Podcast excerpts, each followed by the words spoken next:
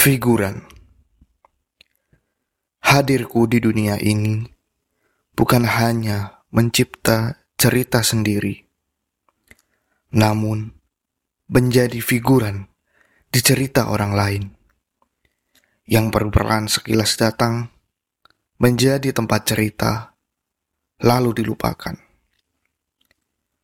Figuran bukan hanya di cerita orang lain bahkan di ceritaku sendiri.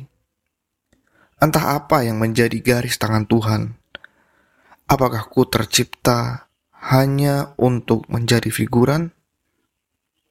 Memang, tiap orang ada masanya. Tiap masa ada orangnya. Namun, apakah setelah masa itu habis, kita berhak melupakannya? Yang mungkin punya jasa, yang jika tak ada dia, kita bukan siapa-siapa.